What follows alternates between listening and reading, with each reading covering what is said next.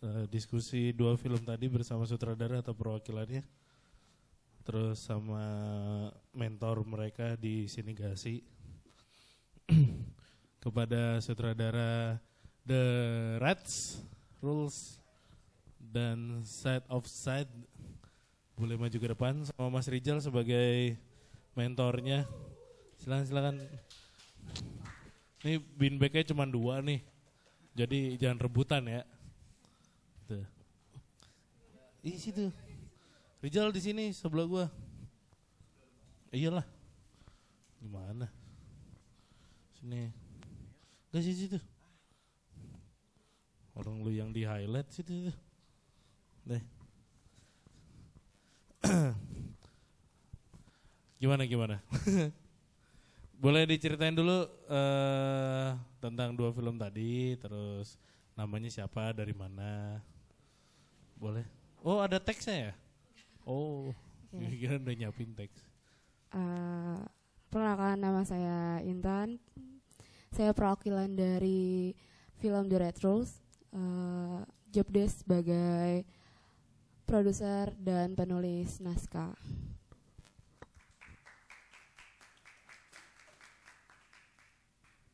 Perkenalkan, nama saya Marsyanda Karnisa. Di film Side of Said, saya menjadi produser serta make up. Nih, Bapak sebagai siapa kenalin diri, Pak? Bapak. Uh, selamat malam, nama saya Rizal uh, Firdaus sebagai uh, sebagai lagi uh, di Sinegasi Picture sebagai bagian dari tim pengajarnya. Kalau bahasanya Senegasi apa? Visioner sih? Visioner. Visioner. Inter bahasa internal. Bahasa internal, visioner, nama mentor ya, gokil. Uh, boleh ceritain filmnya? Itu terinspirasi dari mana? Kenapa bi ceritanya gitu dan? Untuk lain film The Red Rules itu sendiri, sutradara terinspirasi sama Undang-Undang MD 3 yang sekarang kalau nggak salah udah dihapus kayaknya ada di satu koran dia baca. Mungkin karena MD3 itu uh, peraturannya berbelit-belit jadi dia kepikiran dari kasus itu tuh uh, diimplementasikan dalam the red rules sebagai uh, dengan menggunakan monopoli itu sendiri uh, sebagai Indonesia atau pemerintahan di mana ada empat elemen itu ada yang pejabat, ada yang dari petani, ada yang dari kaula muda juga, sama ada yang pemberantas korupsi itu sendiri. Uh, apalagi tadi? Enggak tahu apa lagi. Apa lagi? Oh, okay. Film ini bercerita tentang si tokoh protagonis si pejabat itu sendiri. Uh, dia menghalalkan segala cara agar bisa menang uh, di monopoli itu sendiri. Jadi dia punya peraturan sendiri, walaupun dia harusnya kalah, dia punya kuasa, jadi dia ngelakuin segalanya. Hmm. Tepuk tangan teman-teman. Kenapa pada diem semua? Silakan sebelahnya.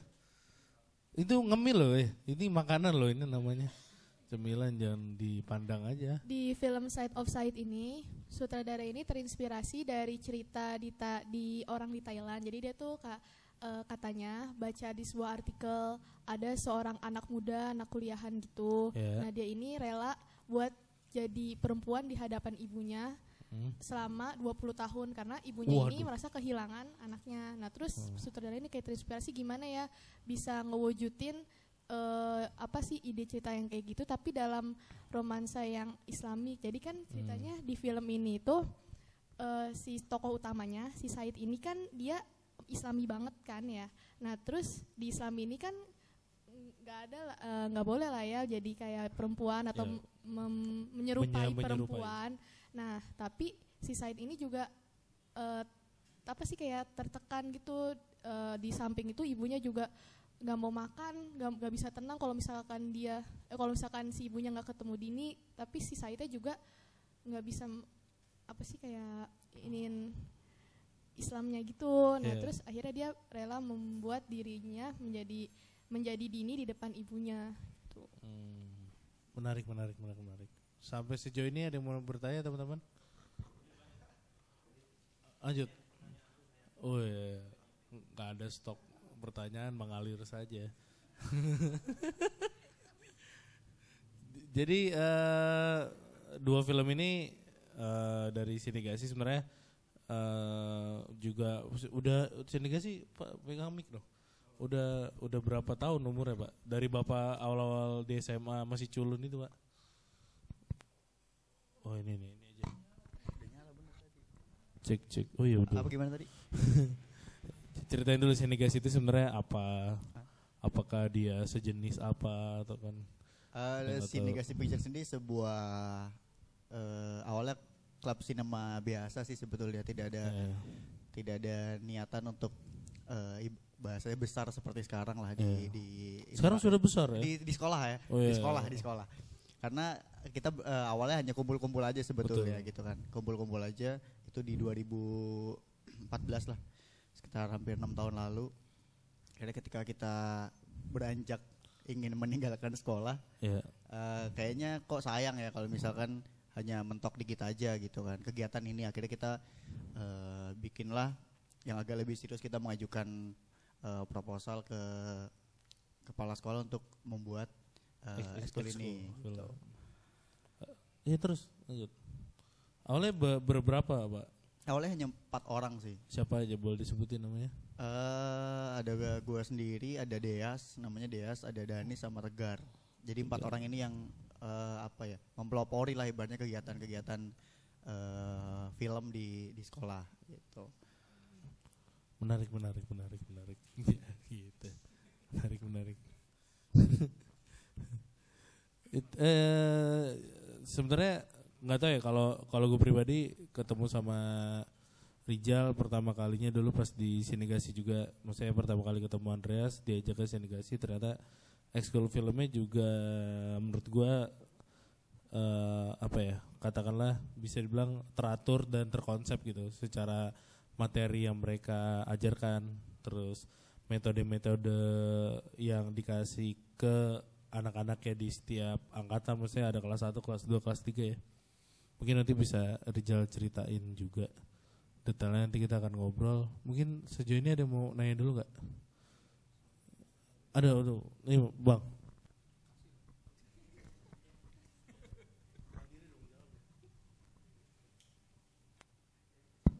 Cek cek. Enggak enggak enggak. Eh, ini kedua filmnya dibikin kapan? Be- eh, pertanyaan untuk kedua perwakilannya Kalau Retros ini 2018 2018 Iya. kok kirain 2008 tua banget. Ya Ada tahunan lebih. Side of Said nih Said kan berarti Baru tahun kemarin 2019. 2019 ya? Oh.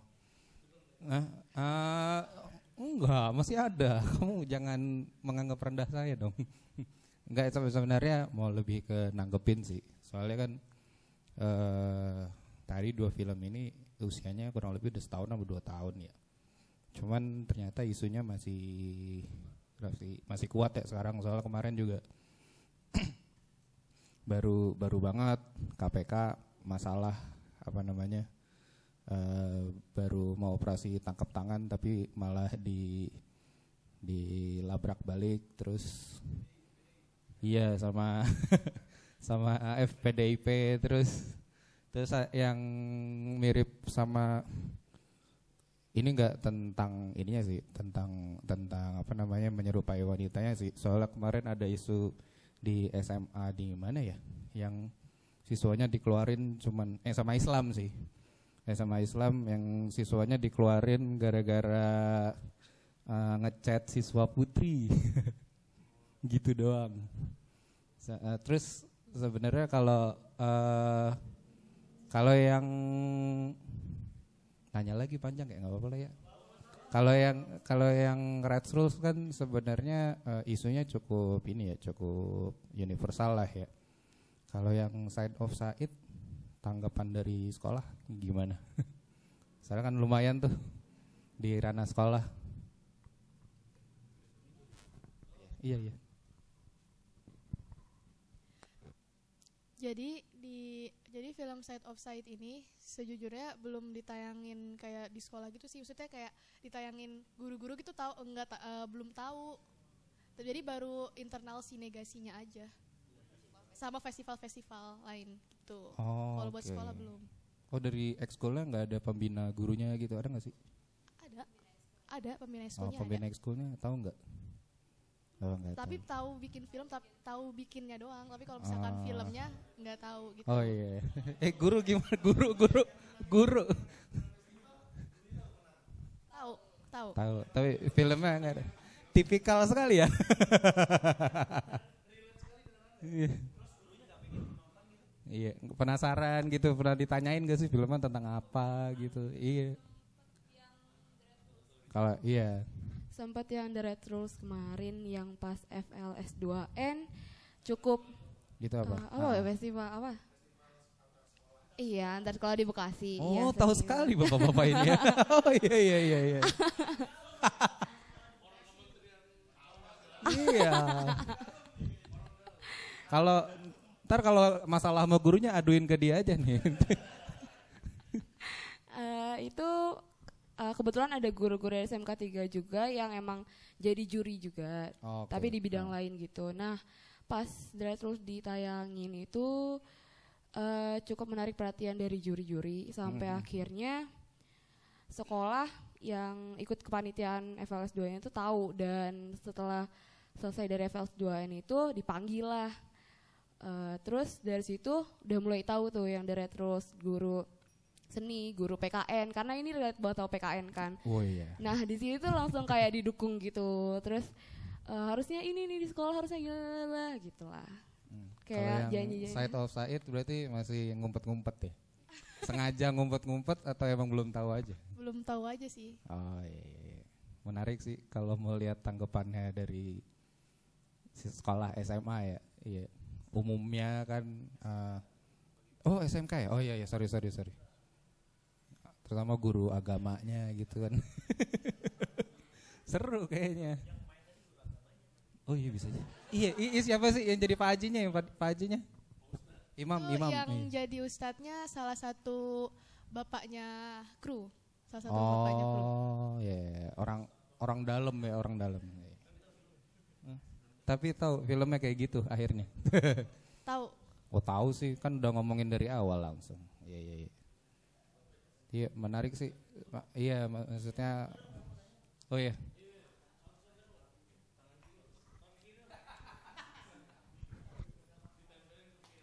eh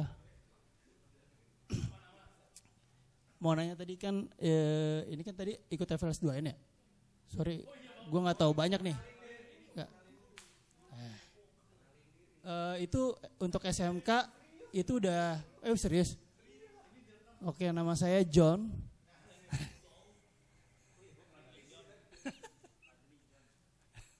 nama saya Anugrah ya dari eh, kolektif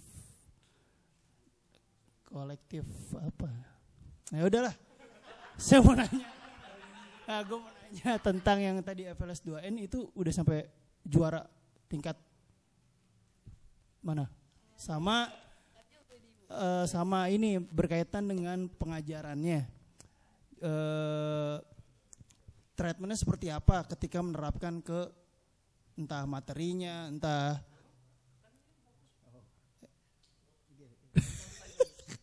entah materinya terus apakah kalau SMK kalau SMK apakah sudah ada fasilitasnya karena kalau di negeri setahu gue tuh jarang maksudnya anaknya paling ya dia menggunakan alat yang mereka punya bukan dari fasilitas dari sekolah gitu keterbatasan fasilitas itu dulu deh Eh, ya Oke, terima kasih Eh, satu-satu dulu ya. Eh, terkait FLS 2N di 2019 kemarin memang eh sekolah selalu punya harapan sih sama FLS 2N. Karena memang sekolah taunya itu kayaknya ajang yang paling bergengsi di tingkat eh birokrasi-birokrasi pendidikan ya. Eh, sebetulnya film ini eh info info A1 lah ibaratnya. Harusnya menang juara eh, mewakili Bekasi, tapi karena eh, administratifnya itu secara administratif tidak sesuai akhirnya dia di tur, grade-nya turun jadi tiga. Itu karena kebetulan jurinya juga yang eh, ngobrol sama tim pengajar enggak, bukan. Harusnya eh, mereka mewakili tapi ya balik lagi karena terbentur secara administrasi eh, lombanya ya eh, mata lombanya akhirnya nggak bisa nggak bisa juara. Tapi ya nggak apa-apa lah. Iya. Eh, terkait treatment tadi ya Eh, kalau Metode, metode, metode. ya metode. aduh kalau metode sebetulnya di Senegasi Picture sendiri kita punya sejak dua tahun lalu kita eh, mulai menetapkan satu kurikulum khusus untuk eh, eh, mereka. Jadi antara kelas 1, 2, 3 tuh kita punya punya target pembelajarannya masing-masing.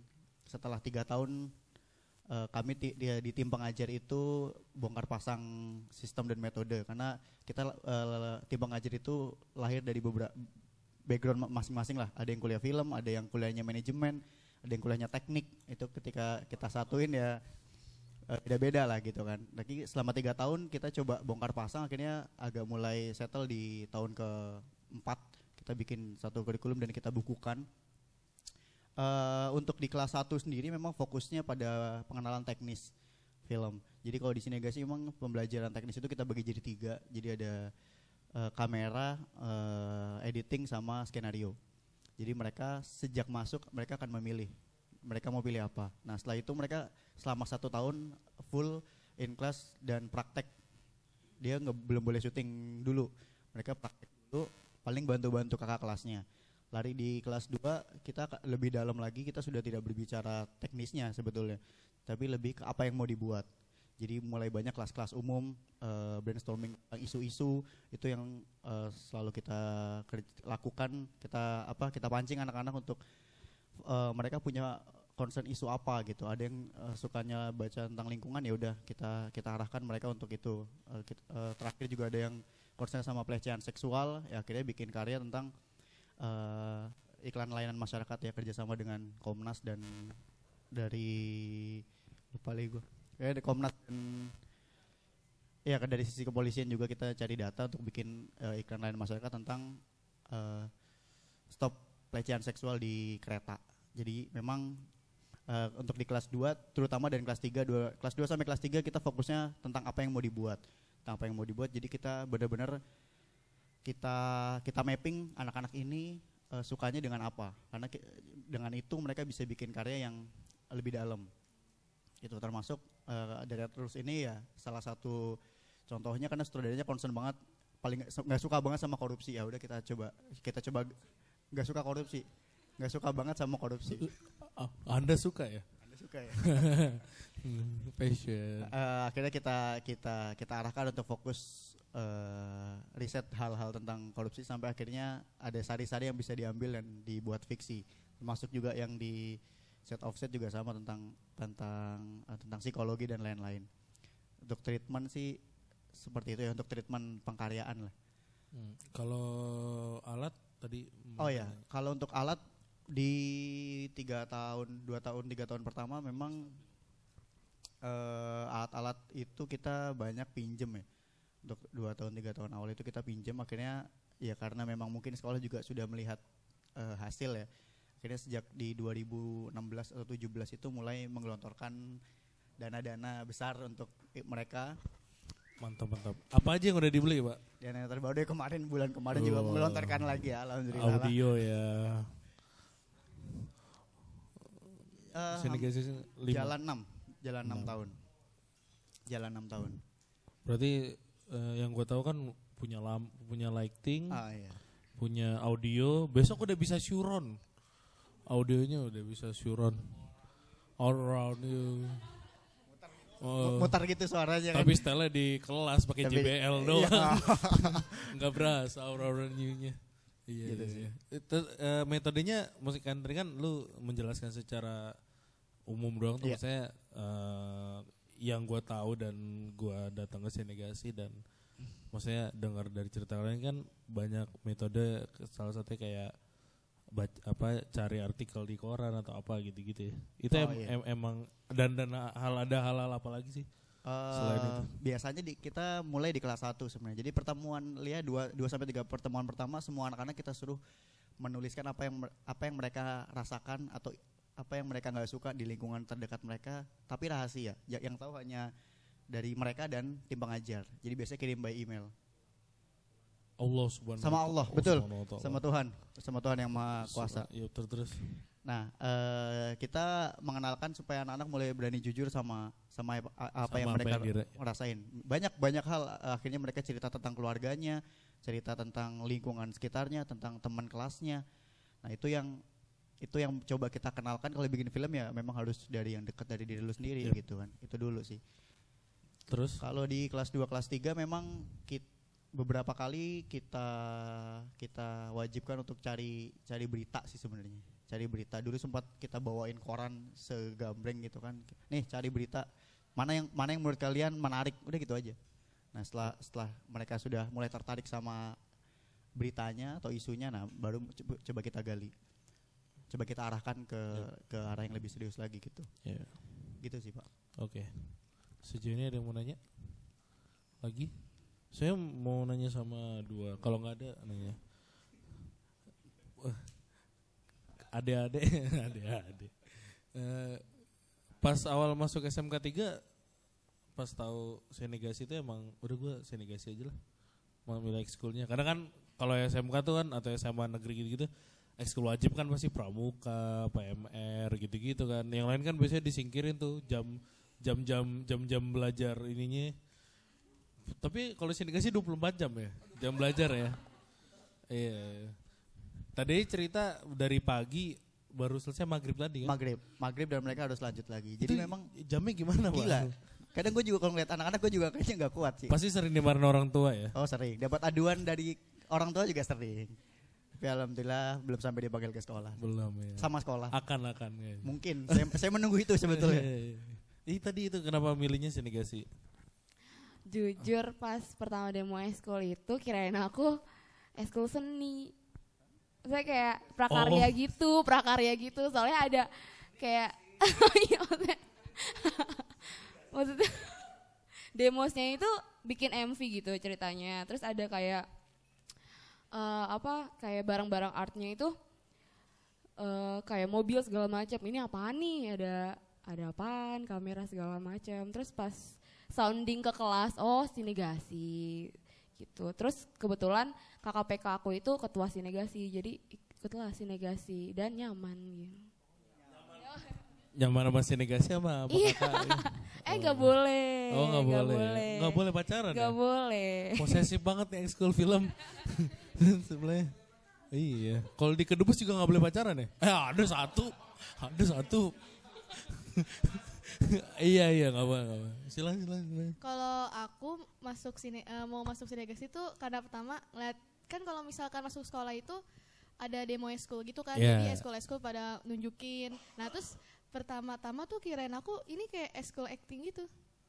Soalnya kan bikin MV gitu kan. Oh, acting. Terus eh pas masuk ke kelas, kan masuk ke kelas tuh perwakilannya. Oh, tentang film. Ya udah, coba-coba doang. Pas itu bilangnya kalau sekarang kan bilangnya film ya. Dulu film. Ya. Wah, tentang film. Film film gitu. Pakai P. Terus Iya. pas eh, masuk, wih kayaknya seru juga nih, keren. Apalagi kan kalau sinega, masuk sinegasi pertama ada kelas perdana. Terus kelas perdananya nih niat banget kayak gila keren banget. Oke. Terus, Eh, lagi ngejilat. Iya. terus ngelihat ngelihat film-filmnya, ih bagus banget. Masa iya Iya. anak SMK bisa bikin. Akhirnya Iya, eh, makin nyaman, nyaman, nyaman ya udah nyaman aja. nyaman. Tapi d- eh, metode apa yang kalian suka di sini gak sih? Gim- Dari eh, semua yang diajarin sama Rijal dan teman-teman visioner. metodenya sih lo suka banget sama organisasinya tuh teratur gitu loh Hmm. keorganisasiannya jadi kayak Oh. ada BPH gitu kan nah itu benar-benar tertata banget deh Metodenya apa yang suka atau metode maksudnya gimana maksudnya kayak pengajarannya? oh kelasnya? pengajaran Kalau kalau kamu ngambilnya disiplin, eh disiplin, dis- kayaknya berat banget ya. Apa eh, fokusnya di mana? aku penulis naskah eh, naskah. Ma- pas lagi nulis naskah diajarinnya apa aja? Ya kayak diajarin pertama tuh awal tuh basic banget diajarin tanda baca terus sama kelamaan diajarin cara Iya. penulisan yang benar bikin basic story bikin an bikin itu bikin itu Iya. awal banget bikin diajarin tanda baca Udah baca. sesimpel itu Kalau mbaknya, mbak Eh, kalau aku penulis naskah juga. Ah. Kalau misalnya metode langsung yang- sama Rijal ya. Jadi Rijal nih kalau di kasih naskah latar belakangnya kuliahnya ini ya, manajemen transportasi ya. Trisakti, Trisakti. Nggak masalah. Nggak masalah. iya. Lanjut lanjut. Eh, metode yang paling disuka itu pas kelas umum sih. Ya pas lagi brainstorming, yuk kita bahas isu apa hari ini. Itu paling suka banget sih diskusi-diskusinya. Pernah ngebahas siswa apa kamu? Banyak banget. Eh, Yang paling gergetan? catcalling pernah, terus eh, yang kayak kemarin demo, demo, Oh ya. demo. Iya itu juga. Terus Ikut aksi turun jalan? eh, Enggak. ya. alumninya. Oh, Bukan alumni. kitanya. Oh iya tahu saya Iya. orang-orangnya. iya, iya, iya. Alma Iya. mater ora oranye itu. Eh, terus. iya. Iya, lanjut. iya, Jackmania. Apalagi ya banyak banget, Banyak ya. banyak nih, banyak, banyak banget. Tapi Rijal galak kak? Gue tahu aslinya Rijal gimana. Iya. Bukan galak sih, ke Iya. mental sih kayaknya. Iya. Batin, Sosok sosok marahin anak orang lu. Mental. Jadi Ijal sebenarnya eh, emang metode metode itu yang lu lakukan dari awal atau lu mencari sendiri polanya enaknya enaknya dibuat kayak gini nih ngajarnya nih Eh, atau gimana?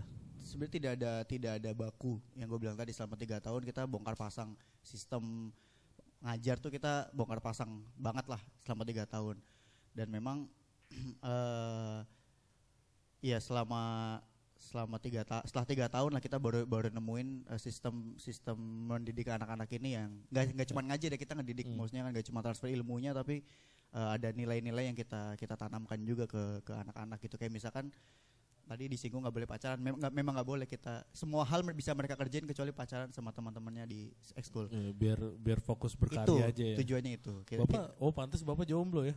nggak juga sih Oh iya. iya. terus iya iya iya iya Iya saya iya terus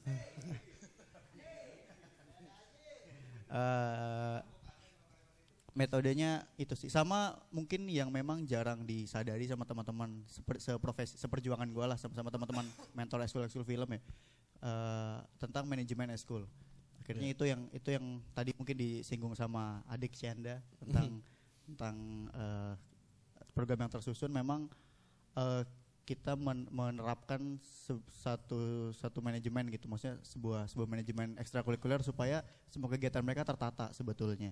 Hmm. jadi kan tadi gue bilang eh, mungkin tadi gue hanya berbicara pengkaryaannya ya. Sebenarnya ada dari sisi organisasinya juga ada. Anak-anak ini diajarkan organisasi sebetulnya.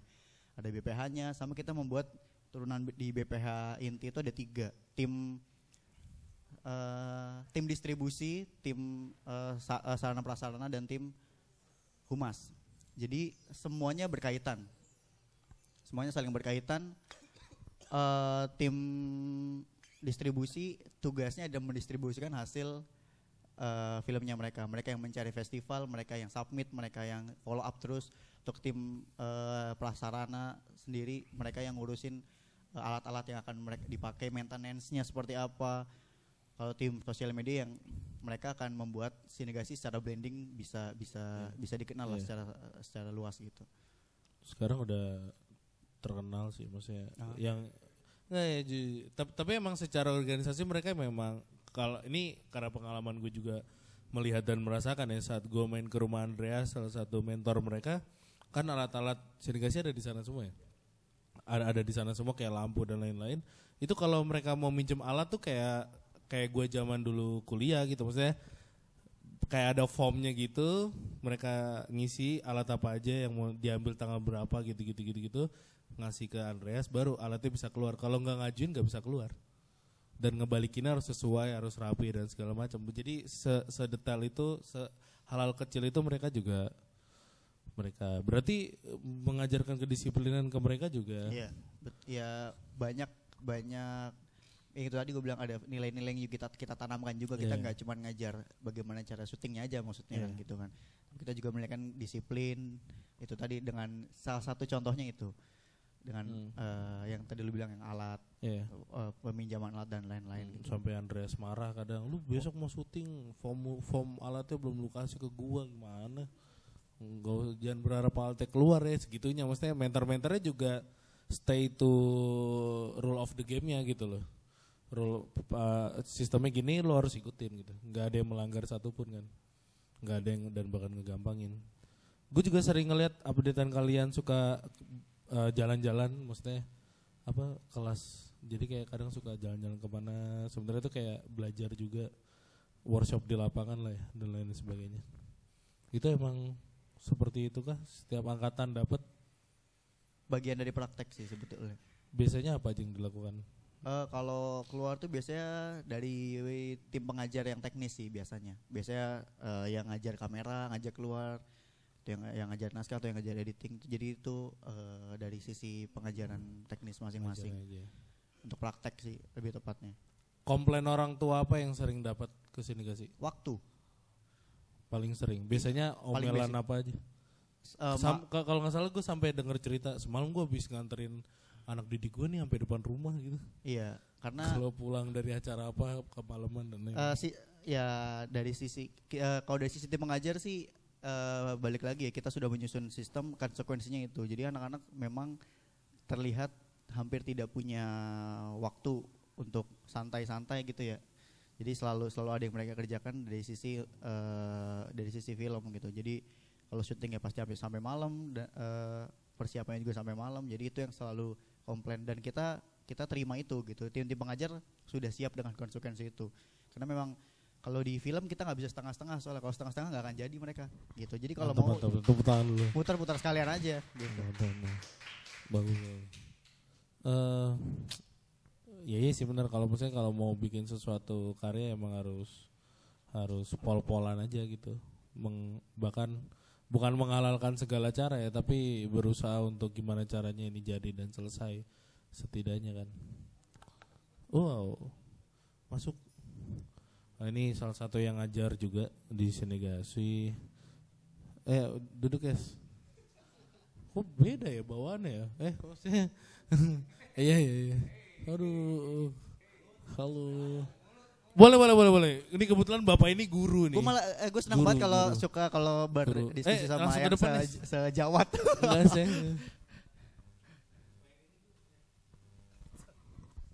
Ya saya baik na- nanya. Apa ya? Pak Menpora nggak apa? ya? Iya benar. Siapa tahu disupport ya. Iya boleh kalau mau support guys. Hadir O- doang Oke ya. propo- proposalnya kita siapin deh. Hadir. Ini jadi suatu bentuk kerjaan lo ya nih. Ini berkaitan dengan eh, metode eh, dan apa namanya? Berarti kan eh, Sinegasi ini udah buat modul ya dari awal kan. Ada. Nah itu pernah nggak di workshopin keluar?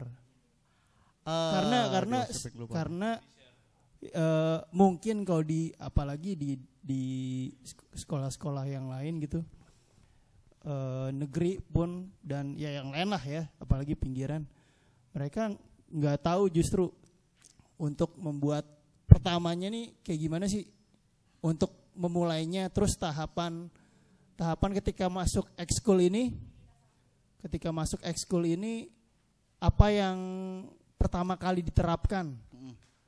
ini eh, kalau ini kan enam tahun kan udah udah jadi udah udah udah jadi lah ya Iya. nah kalau ada yang pengen mau mulai gitu apa dulu yang harus diterapkan nah itu tuh eh, kayak misalkan buat eh, lu pilih anak-anaknya kan pasti banyak nih Iya. Ntar belum menghadapi ketika anak-anaknya ada yang karena seleksi alam terus ini males-malesan ada yang enggak? Apa semuanya lo harus jadi ini semuanya? Oke. gitu kan? Ada ada seperti itu gitu. Eh, pas proses ke depannya pengen tahu sih. Eh, tadi pertama tentang gue suka lupa.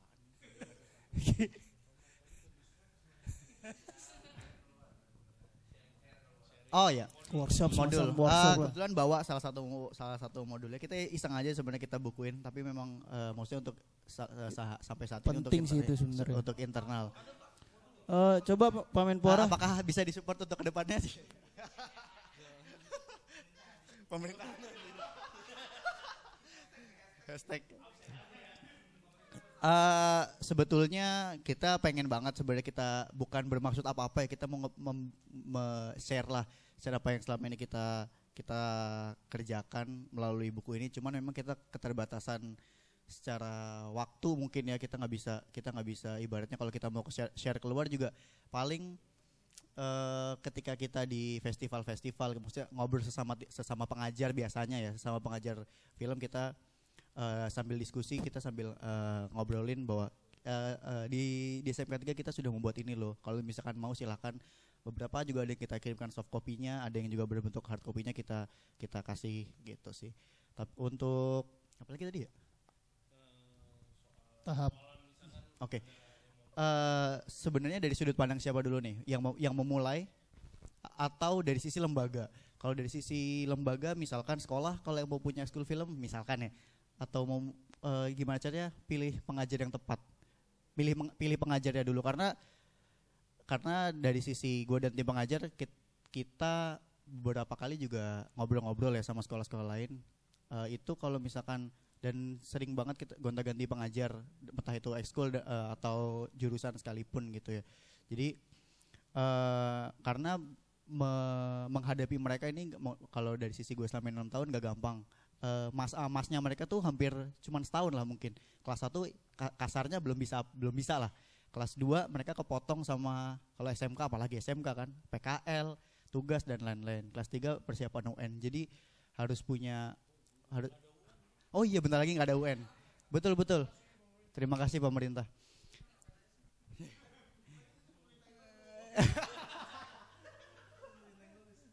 jadi eh, jadi memang eh, penting sekali kalau satu satu sekolah atau lembaga pengen ada kegiatan film yang memang eh, tersusun lah gitu ibaratnya. Men- nyari pengajar yang memang militan. Bukan hanya dari sisi film tapi dari sisi pendidikan. Karena suka film aja belum tentu bisa ngajar. Itu itu itu yang terjadi. Dan bisa ngajar aja juga nggak cukup karena apa yang mau diajarin gitu kalau nggak bisa ngajarin film. Nah itu yang yang eh bersyukurnya di di Sinegasi tim, tim pengajar memiliki itu. Jadi tim pengajar di Sinegasi sekarang ada sembilan sembilan tim pengajar.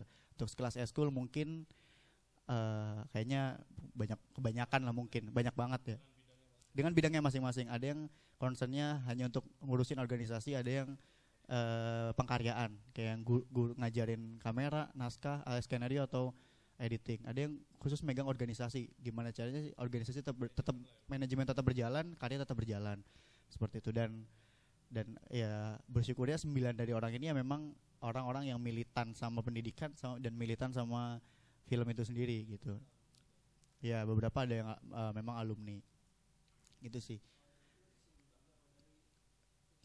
Pengajar. Kalau dari sisi orang kalau kalau dari sisi orang yang mau memulai sih eh pastikan dulu tujuan kita apa sih sebenarnya. Tujuan kita apa untuk eh, memulai sebuah kegiatan film di sa- salah satu di sekolah lah ibaratnya atau di satu lembaga tujuannya apa gitu.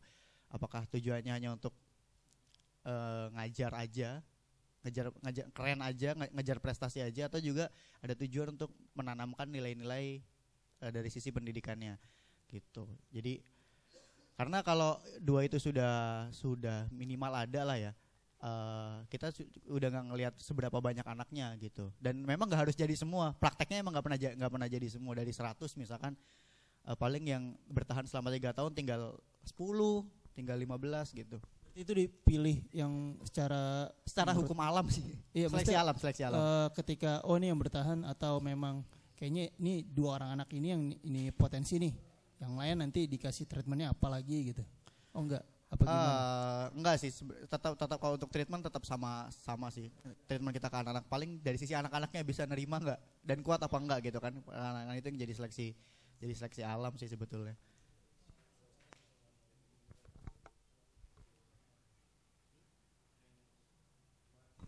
Ada yang mau nanya atau menanggapi lagi? Pemerintah hadir doang nggak ngomong. Hei, ayo dong. Ah, buat tim dari masing-masing film. Ini kan eh, dua film ini kan emang isunya masih relevan dan kayaknya bakal selalu relevan sih untuk tahun-tahun berikutnya. Ini eh, berarti selama sejak rilis udah muter-muter ke festival tadi ya. Eh, rencana berikutnya bagaimana? Apakah tentang film ini atau dari tim yang sama tentang film berikutnya gimana? Eh, udah ada di situ. Untuk pasti yang sebelum filmnya ini dibuat udah harus tahu kan mau ke mana itunya Eh, tujuannya mau festival apa lolos. Kalau udah biasanya setiap tahun kan ada festival yang emang sama yang rutin. Nah itu jadi tolak ukur sih tolak ukur harus ini ya. Terus pokoknya harus dapat ini ya. Habis itu punya punya eh, apa ya kayak kayak apa ya namanya punya tujuan pokoknya punya tujuan nah biasanya dari tujuan-tujuan itu yang udah mau kita pil apa kita pikirin sejalan itu ada lagi festival-festival yang berdatangan yang baru-baru. Nah kita juga ikutin di situ. Eh, itu sih. Terus tujuan yang paling tinggi itu kemarin se Asia kalau nggak salah. Mana ya? Screening ya ah, screening se Asia ya kalau nggak salah mas. Iya. tingkat tingkat Asia berarti mas. Ya itu sih untuk uh, Red Rule sendiri Kalau untuk tujuan Maaf, mau nanya tadi pertanyaannya apa ya? Aku bingung. Oh. Kalau rencana film baru ada sih negasi mau mau bikin lagi.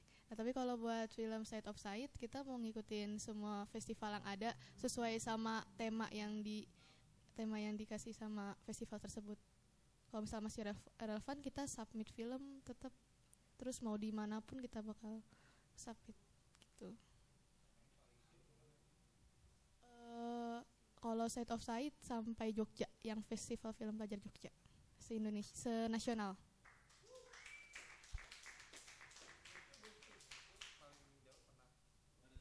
Sorry, iya. iya. screening Asia. Ah Jogja. Ah Jogja waktu itu di screeningin eh Jogja apa sih aduh udah lama banget soalnya udah Terus tahun itu Iya. baru loh. Dua tahun. Dua tahun itu belum lama loh. baik banget sih aku aku sampai lupa serius Alhamdulillah bisa Alhamdulillah, sombong ya. Apa-apa, alhamdulillah, bagus, bagus, bagus. alhamdulillah Bagus. Pemerintah denger tuh. eh. Iya.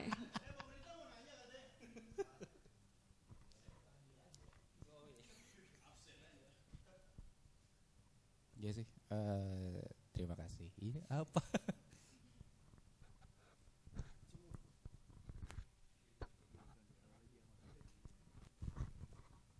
Cek cek. Eh eh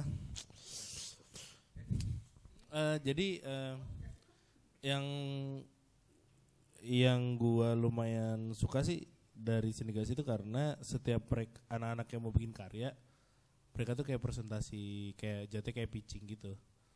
Jadi kayak apa namanya eh, presentasi di depan pengajar-pengajarnya kita, kita mau buat buat ini latar belakang gini secara teknis gini dan lain sebagainya gitu habis itu kalau nggak salah pas syuting dan segala macam diputar lagi sama nggak? Sama dengan yang diomongin di awal dan segala macam. Itu emang lu menerapkan itu juga. Maksudnya kayak paling nggak mereka tahu nih eh, kalau gue sih nangkepnya lebih kayak lo harus bisa mempertanggungjawabkan apa yang lo omongin di awal dengan hasilnya kayak gini gitu. Iya. Salah satu salah satu cara salah satu cara mendidik kita juga itu. Jadi setiap eh, mereka mau membuat film, ya mereka ada ada susunan ada susunan urutan yang atau urutan yang harus mereka eh, kerjakan Iya. gitu kan. Eh, kayak misalkan tadi yang lu bilang tadi ada pitching ya, memang ada eh, ada pitching ke tim pengajar dari semua yang mau bikin film nanti tim pengajar itu milih Iya. tim pengajar akan milih jadi sedari itu mereka juga eh, sudah mengerti bahwa yang mereka tuh melakukan ada alasannya gitu semua yang mereka lakukan tuh pasti beralasan nah selanjutnya eh, mereka akan memilih eh, tim produksinya masing-masing Yep. sesuai dengan kebutuhan eh, produksinya. Lalu eh, diakhiri dengan yang namanya oh sebelum itu eh, tetap ada bimbingan sih bimbingan masing-masing bimbingan masing-masing eh, departemen ya. Lalu diakhiri dengan f- eh, final pre-production meeting atau final PPM kebetulan tadi pagi ya Iya, tadi, tadi pagi eh, kita eh, final PPM untuk salah satu film yang mau kita produksi lagi gitu. Jadi di situ kita bahasanya mungkin kita sidang ya. Kita sidang semua persiapan mereka apakah sudah siap atau belum untuk untuk untuk memulai produksi gitu. Kalau belum kalau kita nyatakan belum mereka nggak akan akan bisa produksi gitu. Gitu sih. Jadi ya uji uji mentalnya mereka di situ. Kita ngajarin mereka untuk berani eh, mempertanggungjawabkan apa yang mereka mereka mau buat gitu. Di situ mereka belajar ngomong belajar belajar berargumen. Itu dari dari final PPM itu seperti itu Ya berarti secara ra- eh, dasarnya udah diajarin buat buat berani ngomong dan ngasih statement aja di setiap mereka Iya. apa yang mau kerjain karena kan kita suka ketemu sama teman-teman filmmaker pelajar yang dia tuh malu buat ngomong dan segala macam atau mungkin di depan banyak orang pun Malu. dia nggak bisa ngomong Iya. gitu loh padahal ini film media dan dia harus kalau datang ke festival kan kita harus harus apalagi film lu diputar ada diskusi harus harus ngomong gitu. Ya, ini salah dan dia mereka sering dan dan itu akan jadi biasanya akan jadi ini kan jadi apa? Jadi bisa ngebantu mereka buat datang ke festival dan ngomong dengan banyak orang. Secara jangka panjang seperti itu. Jadi kalau di final PPM memang eh, secara kegiatan memang yang paling ditakutin anak-anak sebetulnya. Karena di situ memang kita bahasnya kita habisin. Artinya apa yang mereka tampilkan ke kita kita kita harus tanya dan alasannya mereka apa. Gitu kalau kalau nggak sesuai ya, ya kita bilang nggak sesuai gitu. Kalau ya biasanya di situlah me- menguras emosi biasanya anak-anak yang, yang Ada yang nangis lah, nangis. yang apalah. Tapi nggak apa-apa, itu bagian dari cara mereka belajar gitu. Nextnya mereka setiap mau mengambil keputusan apa pun ada alasannya gitu. Iya betul. Karena memang saat kita membuat film pun kita harus punya alasan-alasan tertentu. Iya. Ya gitulah sebuah karya ya harus punya alasan kenapa dibuat gini, dibuat gitu. Iya. Dan secara dasarnya kalian udah membuat itu ya. Ada yang mau nanya terkesima sepertinya. Tepuk tangan dulu, Mas Bin. Pemerintah, oh udah jokesnya kasihan dia, ntar pusing. Eh, ada yang mau nanya Mas Vitor, Nadif, Reja, Arab, Reja Arab, Octavian ya. Eh, bisa aja. Atau Mas Andreas eh, ini yang ngajar kamera di Sinegasi. Bapak ngajarnya kamera ya. Ini kamera gitu. Wah, garing sekali. Ada? Enggak ada? Oh, masih ada waktu.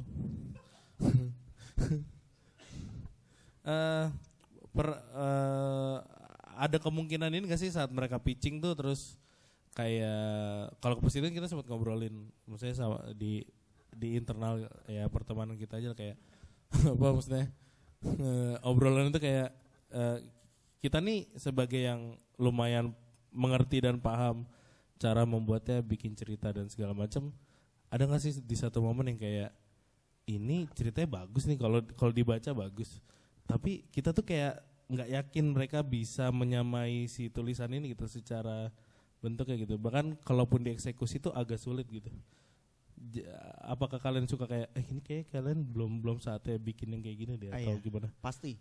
Jadi eh, sejak mereka pitching kita punya ya mungkin mungkin karena berjalannya waktu ya maksudnya Iya. selama enam tahun kita mungkin bahasanya kayak semacam kita ada insting lah. Ini ini kemampuan mereka belum belum belum di belum di tingkat ini nih kalau mem- membuat yang sulit gitu kan. Kita dari cerita das ceritanya aja kan kita udah bisa bi- bisa baca. Apalagi mereka ibaratnya kita ketemu setiap minggu. Kita tahu perkembangan eh, kemampuan mereka seperti apa. Jadi kita sudah bukan kita cut sih sebetulnya kita menyesuaikan eh, lo belum saatnya untuk yang ini gitu Pas- pasti ada sih kayak gitu-gitu Soalnya kan beberapa kali gue suka lagi main di sini guys ya atau lagi main sama kalian mentor-mentor suka kayak eh ini baca nih ada skenario nya Ya. anak sinigasi gitu terus pas gue baca bagus pas karyanya udah jadi ada yang sesuai dengan apa Iya. yang ditulis bahkan betul. melebihi dari yang ditulis Mhm. bahkan juga tidak sering apa eh, ada juga yang tidak sesuai dengan Ya. apa yang ditulis gitu kan Mhm. Tapi ya ada ada yang kayak dimarin gitu oh nggak sesuai nih atau gimana? Cuman Ada. apakah ada. A- a- atau ka- kasarnya kayak lu cuman mau ngetes mental doang atau? Ya untuk film-film yang eh, memang kita kita set sebagai film yang akan membawa mereka ke festival-festival itu selek- akan selektif sih biasanya. Sangat selektif untuk eh, dari sisi pitchingnya apa yang cerita apa yang kita kita pilih untuk mereka produksi kecuali kalau misalnya untuk memang untuk praktek gitu kan praktek-praktek yang di sekolah dan lain-lain itu ya kita untuk tes mental aja sih sebetulnya gimana rasanya sebagai seorang mentor ngelihat anak didiknya bersama filmnya mewakili sebuah kota yang namanya Bekasi di tingkat nasional tuh rasanya kayak gimana? rasanya eh ya bohong lah Awas gua awas lu yang nggak nyebut nama gua gitu. oh enggak, enggak. Enggak ya? Bo- bo- bohong lah kalau kita nggak senang pasti pasti tuj- eh, tujuan tujuannya gitu itu tujuannya itu karena bagian dari tujuan akhir sih sebetulnya Iya. Eh, mereka mereka bisa ke festival karena eh, di akhir kita me- kita punya target sih anak-anak ini memang kita kita bikin target di sampai di kelas 3 minimal lu bisa punya eh, bekal untuk lu bisa mengajukan beasiswa Ya soalnya eh, di angkatan yang keberapa yang senegasi itu ada sekitar tiga atau berapa ya? tiga. Tiga orang Tim eh, tim lima. satu angkatan gitu dia tiga orang. Ada namanya RJ Rizky Julian Asep ya sama Sultan dapat beasiswa untuk di KJ gitu di tahun itu ya. Dan Di- sekarang jadi ngajar juga di sini sekarang ngajar juga. Iya di tahun 2017 pertama kalinya sih itu Tiga- senang tiga. banget sebagai mentor. Oh iya, jadi itu- sia-sia. itu sangat itu nggak bisa di nggak bisa di apa sih nggak bisa diterjemahin sih maksudnya Hmm. senangnya gitu kan. Karena kita melihat oke eh, udah ada hasilnya nih gitu. Ada hasilnya.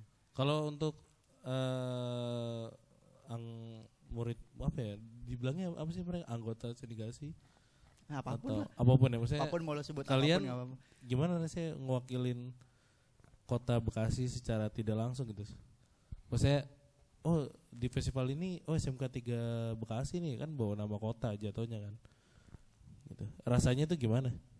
Seneng pasti pasti. Seneng. terus eh, dapat bonus gratis.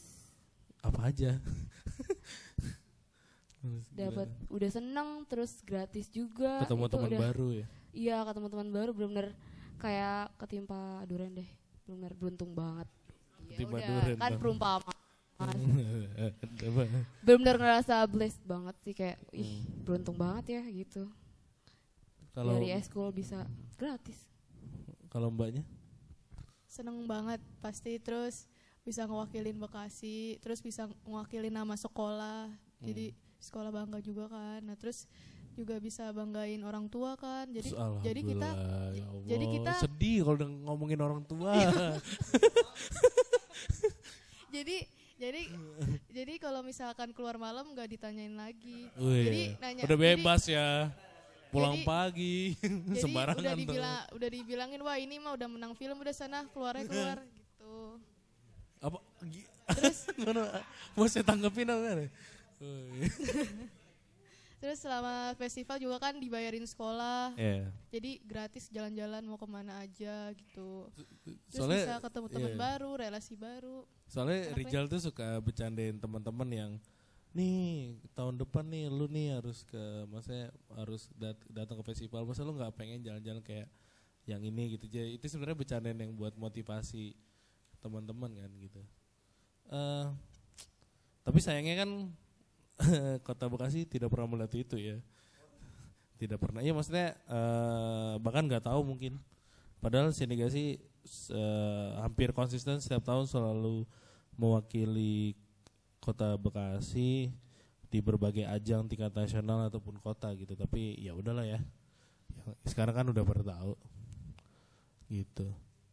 Mungkin apa nih yang mau di dikasih di share terakhir kalinya oleh Rijal sebagai pengajar. Maksudnya kayak seharusnya ekskul film itu seperti apa?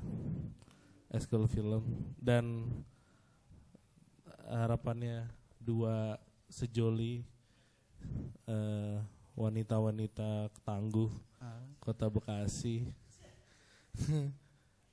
eh mau ya ngasih pesan apa ke teman-teman filmmaker pelajar juga yang sedang berjuang sama sama-sama juga berjuang dengan kalian untuk untuk teman-teman di Bekasi ya nggak usah kota-kota lain Harapannya sih perfilman eh, pelajar khususnya di Kota Bekasi ini bisa lebih maju, bisa bisa nunjukin lah ke dunia asik. Wah. wah amin pak dengerin pak pak dengerin bisa disupport ya bisa ya oh, ada ya. Bisa nunjukin lah kalau misalkan eh, anak SMK tuh eh, anak SMK atau anak SMA pelajar itu bisa bikin film yang bagus. Iya. Bikin film pendek yang bagus. Amin, amin, amin, amin. Kita aminin bareng-bareng teman-teman. Sama sebenarnya harapannya semoga lebih bisa dilirik sama pemerintah. Ya. Ya. Tapi jangan terlalu diharapin, jangan. Tetap jalan aja kalian semangat semangat. Iya. Jangan diharapin pemerintah, jangan pernah diharapin. Jangan. jangan. Iya hadir doang dia. Terus Kak ya karena aku ngerasa dari film banyak banget yang bisa diambil nggak cuma belajar pendidikan segala macam bisa diraih sama film jadi benar-benar harapannya besar semoga sukses film makin banyak eskul-eskul film di Bekasi eh, bisa bikin festival film di Bekasi bahkan kalaupun datang ke sebuah festival di luar Bekasi berangkatnya rame-rame ya. Jadi iya nggak ah, ih gila Jadi yang berangkat tuh nggak cuman Sinegasi atau kemarin bareng sama siapa ke BKM. FPPJ mau BKM. BKM. Kalau bisa perwakilan Bekasi makin banyak di luar sana ya. amin Kalau Bapak sebagai mentor gimana harapannya buat perfilman di Bekasi khususnya pelajar? Iya, itu nggak Eh, berat tuh gue kasih yang enteng oh iya, iya. protes mulu. Iya. Sorry, sorry. Ngomel-ngomel. Ah, untuk eh, film belajar khususnya di Bekasi Gini dong, gini dong untuk anak-anakku. Ah, ya gitu. enggak, enggak, enggak, enggak. Terlalu berlebihan Anda. Eh, semoga banyak apa banyak kesempatan untuk eh, anak-anak yang di luar misalkan ya di luar eh, Senegasi atau sekolah mana pun lah bisa banyak difasilitasi sih.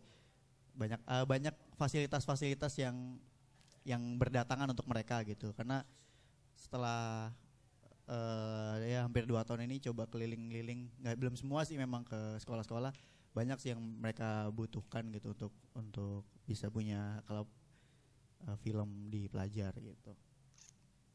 Seperti itu sih bapak. Harapannya buat anak-anak lu sendiri Sinegasi apa? eh bisa bikin film yang lebih lebih berani lagi sih lebih berani mengangkat isu yang lebih berani lagi ya ya kalau bisa mendobrak batasnya mereka batasnya anak remaja sih biasanya apa, sampai mana sih cara pikirnya tapi kalau bisa bisa bisa bisa melampaui itu sih nah tugas-tugas kita juga sih sebenarnya yang Iya. yang mentor gitu kan Ya. bagaimana Amin ya. mengarahkan itu Semoga semuanya sukses, sehat selalu. Bahagia selalu. selalu. Hidup pemerintah. ya Oh. Ya, terima kasih buat malam ini kepada Rijal dan teman-teman Senegasi yang udah mau datang. Mungkin malam ini selesailah rangkaian acara dari Bucin. Tepuk tangan dulu teman-teman. Terima kasih buat Senegasi yang sudah mau ditanya-tanya.